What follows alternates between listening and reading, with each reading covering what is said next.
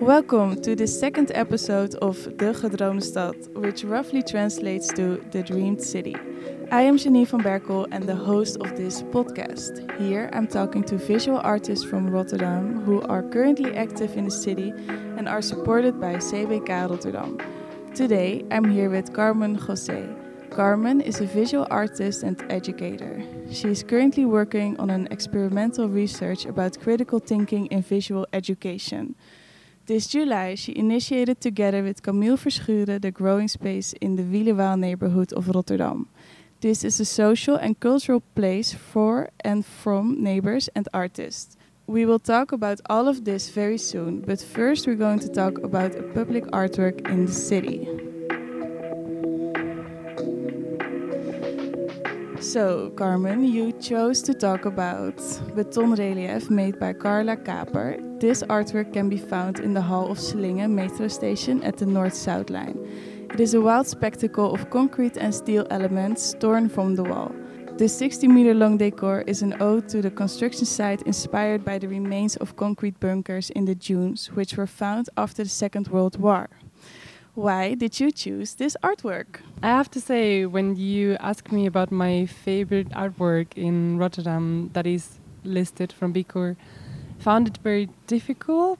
I was looking through the list and I was looking through the through the map, um, all yeah, all the different ones, and specifically I'm very interested in uh, murals because I've done also some murals. I'm an illustrator and visual communicator. And then I, um, yeah, I was like, oh yeah, of course. There's uh, this mural in Slinge which I see um, very often because I live in the south, in the Wielewaal, and my studio is also in Slinge. So it's yeah, the metro station I use most. I choose this artwork because it raised a lot of questions for me, which is like. Um, what is a public artwork? Is a public artwork also one that is inside a building? And also who is listed in the BKOR map and a platform? Because I was looking through many, many, and I was specifically looking for women, and there's not many to be seen. And also, like, as well, people of color and women of color, not very yeah often to see and also like i was also looking for a statistic i couldn't find any so i was like hmm this is an interesting work to talk about and I totally agree with that. that there are not. Um, why do you think there are more public artworks from men? And specifically from white men. I think. Well, it's not a specifically thing from Rotterdam. It's in general in the art world that th those are the voices that are mostly heard and like in the room. Yeah, I'm interested in questioning that and also bringing that um, up and talking about that. Like, how can we, not just to point it out, uh, but also how can we work towards a more diverse space and also more diverse, yeah, to make room for more voices. People. Yeah, I think that's very important yeah. um, and good that you raised that. Is that also something that you do in your own practice, for example? So I am as a visual artist and as an educator, my practice is a bit like in between, and I am very interested and also I notice that I do that very like in intuitively already since very long that I try to create spaces where people can come together and uh, also those spaces I try to build them in a very critical way. So we are aware of who is in the room, who is not in the room, and why. This is something that I'm very interested in, in questioning, but also in being part of uh, different gatherings. Thanks to the ONO, I was able to go to this gathering about unlearning, which was mostly from perspectives and initiatives and people from the global south and indigenous practices. First, maybe we can talk a bit about how you started as an artist and how you came to where you are now? Well, I guess I started when I was very little because my parents are also interested into art and culture. So since I was very small, it's all that I was um, yeah growing up with. My my father is a it was an illustrator. I would say he's an artist because now he does photography, and, and my mother is a writer. I don't think she would describe herself like that, but I like describing herself like that. Since I was very small, I've been like always going to museums like yeah, and that that's also why, and through also a teacher, a very good teacher I had in high school for art, I um, ended up doing I studied fine arts in Madrid. And after two years, though, I was a bit, though I was super excited to start studying there. The university was very conservative, so we were mostly doing still lifes with oil paint and drawing Greek sculptures with uh, charcoal. so I was a bit like, damn, this is art. So I asked for a Erasmus grant. I um, was very lucky to get one, and that's how I ended up in Kassel in Germany. And after one year of doing Erasmus there in a school that is very uh, Bauhaus based, so it means you have your studio with other people who are actually the people you learn with and from. So I did that, and after that, well, during that, actually, important point, it's a initiative I did with a friend called Kati Seman. She's a photographer, and uh, together we did uh,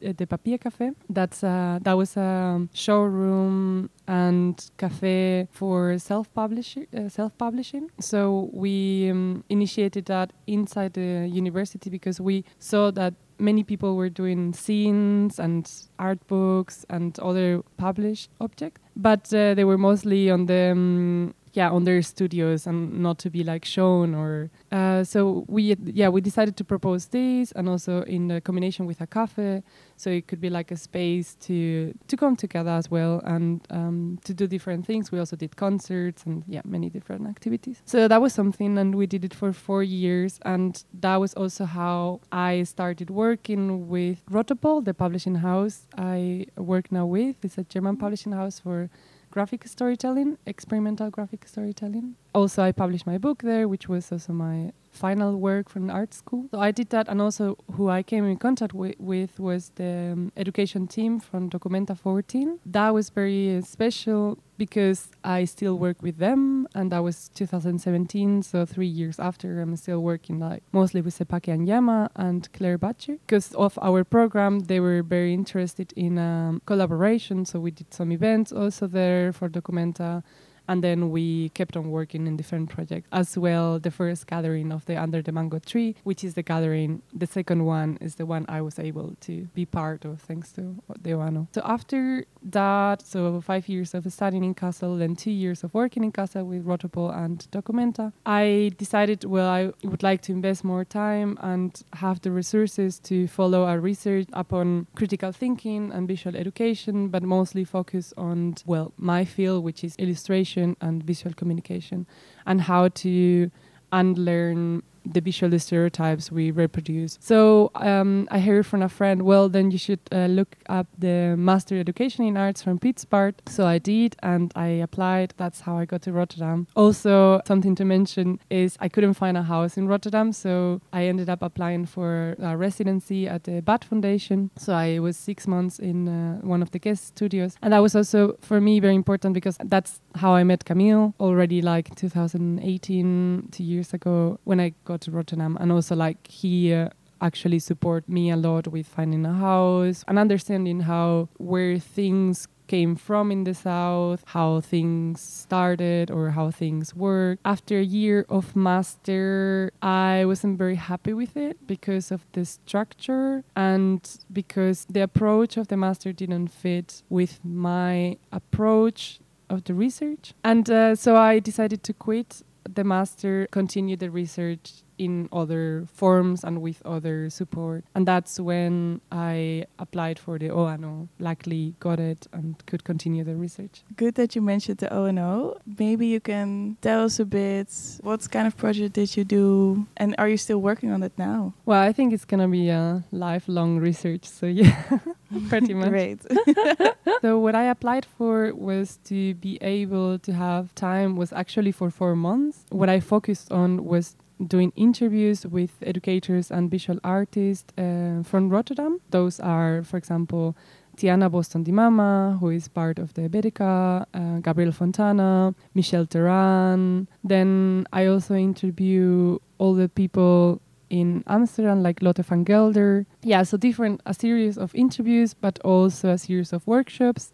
I was developing together with Joe Bilobai in our studio. There was like the part of researching in the studio. One of the focus of my research was how can we exercise these questions together through movement. So, how to deconstruct visual stereotypes through movements. And this is, for example, very connected with imitation.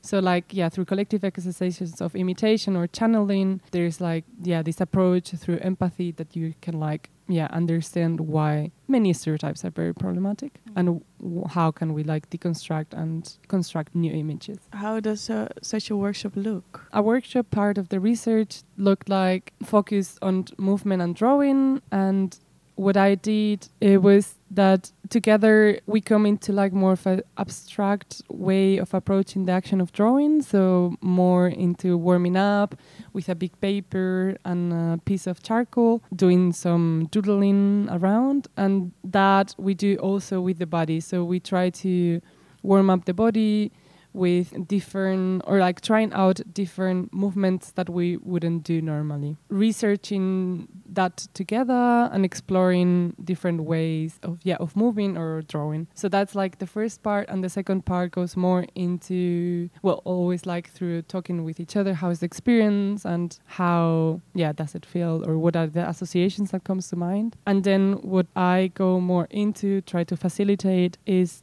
exercises that go into observing your surroundings and like trying to uh, translate that into lines again but lines that can be very abstract. So like uh, for example you look at a tree and then which lines do you see and then you put them on the paper and that that paper will serve later as a score to try to like embody with your body and the collective. And what we do is also we swap the scores so you don't move to your own score but you move to the score of some other person. So you're also like embodying the lines that some uh, another person drew, which is also like trying the translation of the things you're seeing and also this conversion from what you see through your body to your hand and to, onto the paper. Yeah, that sounds really as a this embodied way of learning and knowledge Yeah. as well. You did those workshops, and how did that develop later on? as well part of the application was this very big part which was i was invited by the people who i worked with in uh, documenta to go to be part as a contributor to this gathering under the mango tree gathering of unlearning and this time um, so the first one took place in 2017 in between Kassel and Athens. The second one, one of the people who was invited to the first gathering wanted to host the gathering. Uh, that's Sanchayan Ghosh. He is one of the professors of the university in Shantiniketan, which was founded by Ravindranath Tagore. This school is very special. It was a school, then it, it was part of the university. It also also 100 years old, which is interesting because it's also at the same time more or less as Bauhaus. And this school was also approached in a way that like the classrooms are not inside but outside um, under the trees. And also the idea of learning is through living together and exchanging and also asking, questioning what is education. So we were invited to be there for a week and to do workshops, but also to have conversations with everybody who wanted to take part. All these amazing people from all over the world came, and I was able to also do one of the workshops and present my research and talk about it. Part of that, so that was one week of gathering, then more or less another week um, there in the place. And then I, together with my partner, because also my partner was the one who was helping me documenting the research, we were part of a residency in Kolkata. All together, we were one month there. Uh, we came back, we went like on the beginning of February, and we came back on the 1st of March. Of this year? this Or- year. Yeah, Yes. okay. Yes, that was yeah, that was so collective and close experience and so touching. And then we came back to this pandemic. I mean, the pandemic was already starting and going on, but like yeah, the lockdowns and Still in the pandemic, you started another project. Am I right? Yes. Um, yes, and that's the growing space in the neighborhood of Wielewaal. That's something totally separate from what you just talked about, or did it came out of this, or how did it came about? it's a separate project, so to say. But I find very difficult to separate things because, of course, yeah, I do things because of trajectory and also because of conversations with other people. So I wouldn't be myself. No, exactly, for- yeah. but it's al- always like uh, very interesting to think as, as well. No? Yeah. So March was very very intense. I heard from many friends that were non-European and were struggling a lot to get support because myself as freelance was very easy to get Tozo for the first three months, where all my workshops were cancelled, all my commissions were cancelled because book festivals were cancelled. So who wants to do book? I was really lucky, but there were other people who weren't so lucky and i was able to talk to cbk and though i wasn't able to do the final presentation because my idea was coming back from india having some time and then doing the final presentation of the research and concluding it and writing the final report. But they told me don't worry uh, you can take your time and do it in october but we can already give you the final part of the money so you're also like yeah you have also that as a support. So i was very thankful for that but then I also asked, what is going to happen with the travel fundings? Well, now we cannot travel, but that would be great if that could be redistributed to other people who are not able to get other kind of funding. And that was interesting because then in a conversation with Camille, he was also on conversations with CBK. He was also like, yeah, what are we going to do? How are we going to do? So we sat together. The question was, how does it look like right now? And what can we do? What we decided is what I proposed was doing a survey in our area in Charlois for the artists who are active or living there, and also very focused on non-European uh, people. With that survey and also knowing how much money people were losing and how was the situation, we started thinking, okay, well, Camille has a connection with the Wielewaal through NAC, uh, the new Atelier Charlois, and I live in the in the Billebal since a year, and I also lived already before for six months in uh, NAC as a next residency after BAD. In the Wielewaal, what I propose, because the Wielewaal is this very special and interesting place, yeah, we came up with this idea of well, if many cultural spaces are closed and also museums and whatsoever, how would it look like a space that is open, but also you don't have to go inside? And that's how we came up with the idea of the greenhouse as a space, as a transparent space that can be open 24 hours so people can go whenever they want to look at artworks. And also that could be a way of proposing a cultural project because CBK can only just give money through cultural projects. So could we redistribute the funding into many different artists? And also then to come up with a program which looked like one artist or like a collective a week and 500 euros fee for this person. And so we did, and also we stressed uh, that it was mostly for the people who were struggling and also for the people who couldn't get uh, any other kind of support. That was also before the PPR from from CBK, so it was like yeah, that was also great. Something that I wanted to stress out for the project was that there was not going to be a curation, so everybody who wanted to make a show there was welcome to, also like neighbors and artists. But the only important thing was that there was not going to be any space for racist or sexist or homophobic or any kind of disrespectful content. I've been having always these conversations with the artist that is important for me that the people are very aware of the context and what the the neighborhood is and where it comes from and like how it came to what it is and also of the yeah of the process it's going through. Wow that sounds really as such a great project actually and also such an interesting approach of showing new artists. Maybe you can talk a little bit about some artists that did a project there. So one of the first artists we had was uh, Fatima Fateme and she actually decided to use the space as her studio for a week. So she went there every day and she was working inside on her artwork. It has been a lot of work that I didn't imagine because also this idea of, okay, it would be great if it's not just a show, but also like one day where we have one public moment also to, to come into conversations with the neighbors. And it's not just like, okay, artists, yeah, our neighbors are coming there and doing a show and that's it. And sometimes it's very abstract so it's very difficult to understand. But like to come up with this mediation program. And so far we've been also having uh, workshops. There was also a reading. There was many moments of having tea or drinks together.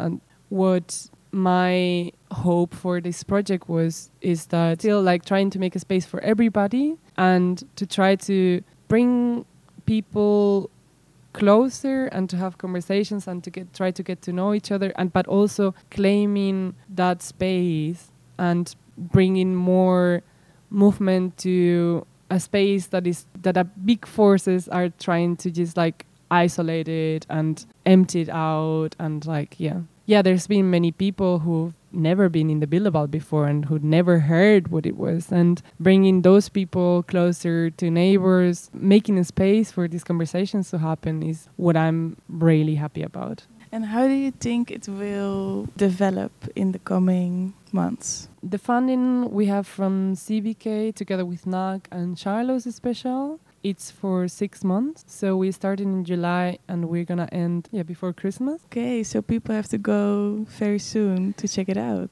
they can, but uh, we applied for another funding from the Gemeente. It wasn't also very easy to get the permits to put the space there because it's very difficult to know what's going to happen and how it's going to look like. And so now that we got the permit, I think and also in conversation with the neighbors if they still want the project to be there and if we would like to yeah to have again six more months or a year and see how that goes. And we actually have already like more than enough artists for that. What we would like to is two weeks or once a month. Like it's very fast actually once a week. I mean it's great because that way we could redistribute a lot of money. Yeah many people are like oh it's just like ended.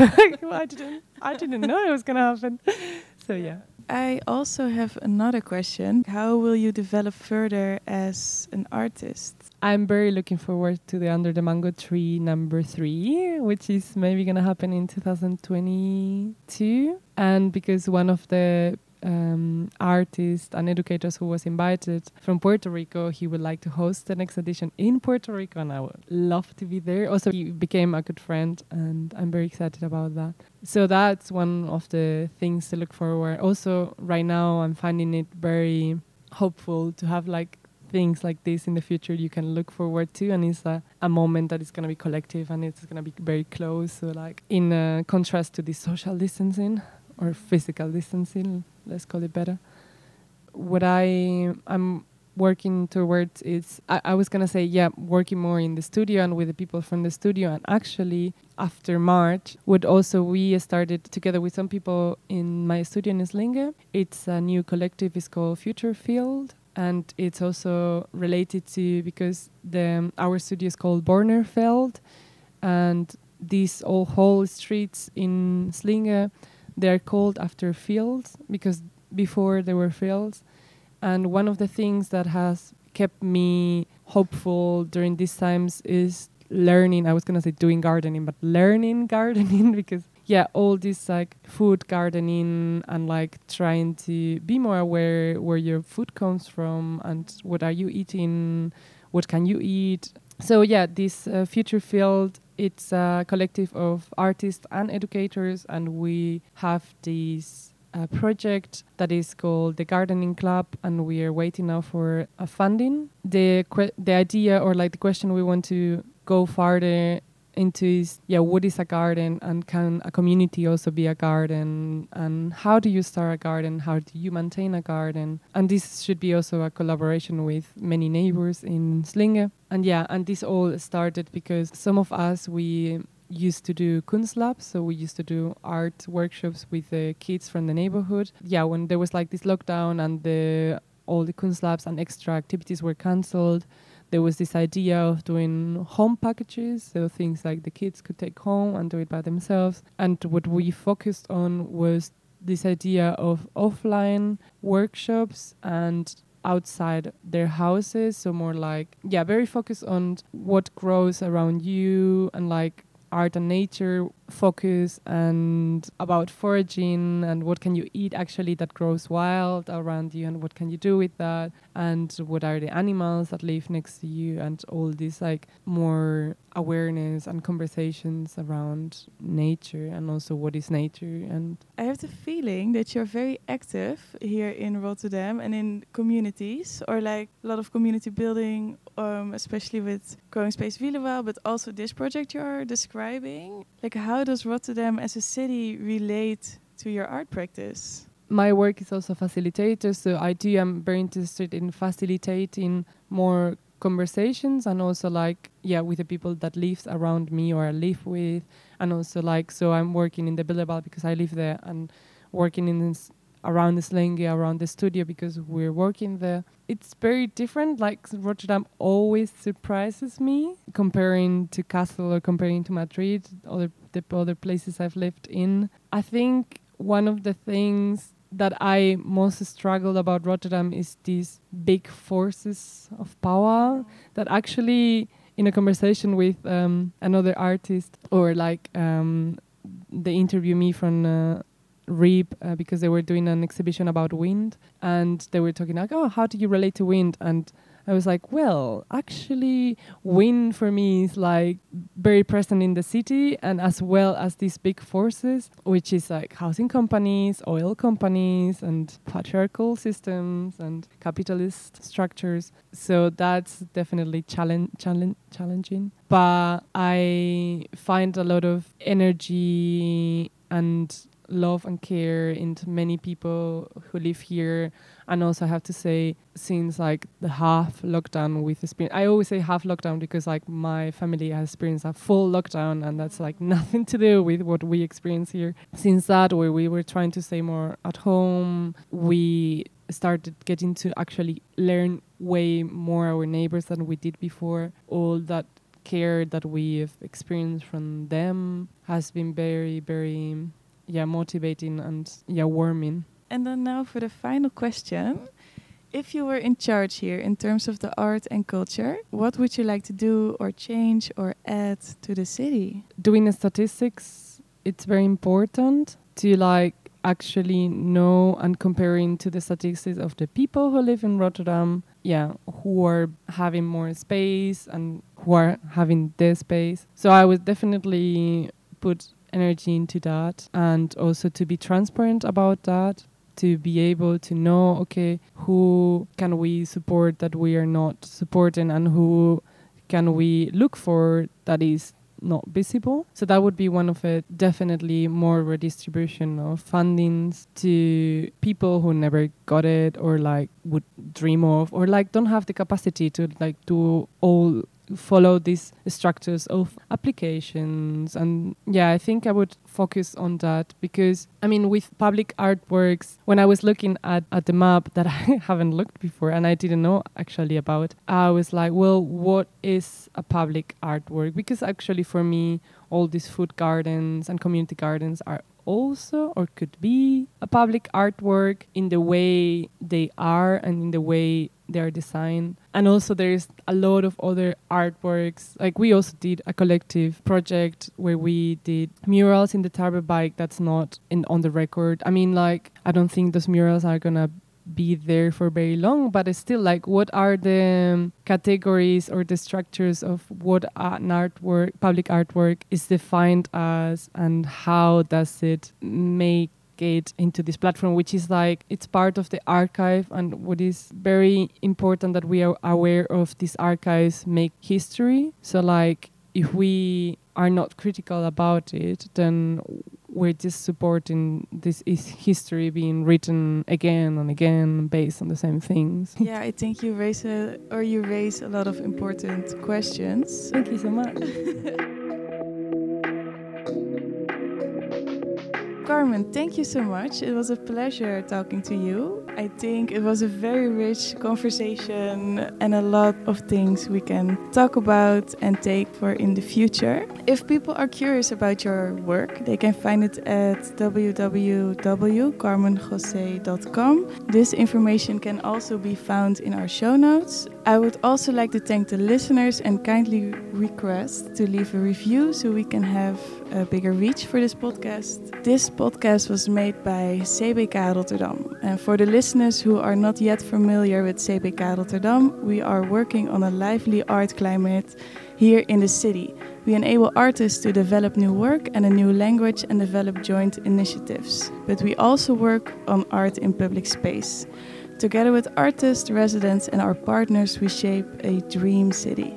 Do you want to know more about us? Then go to www.cbkrotterdam.nl. But for now, until next time.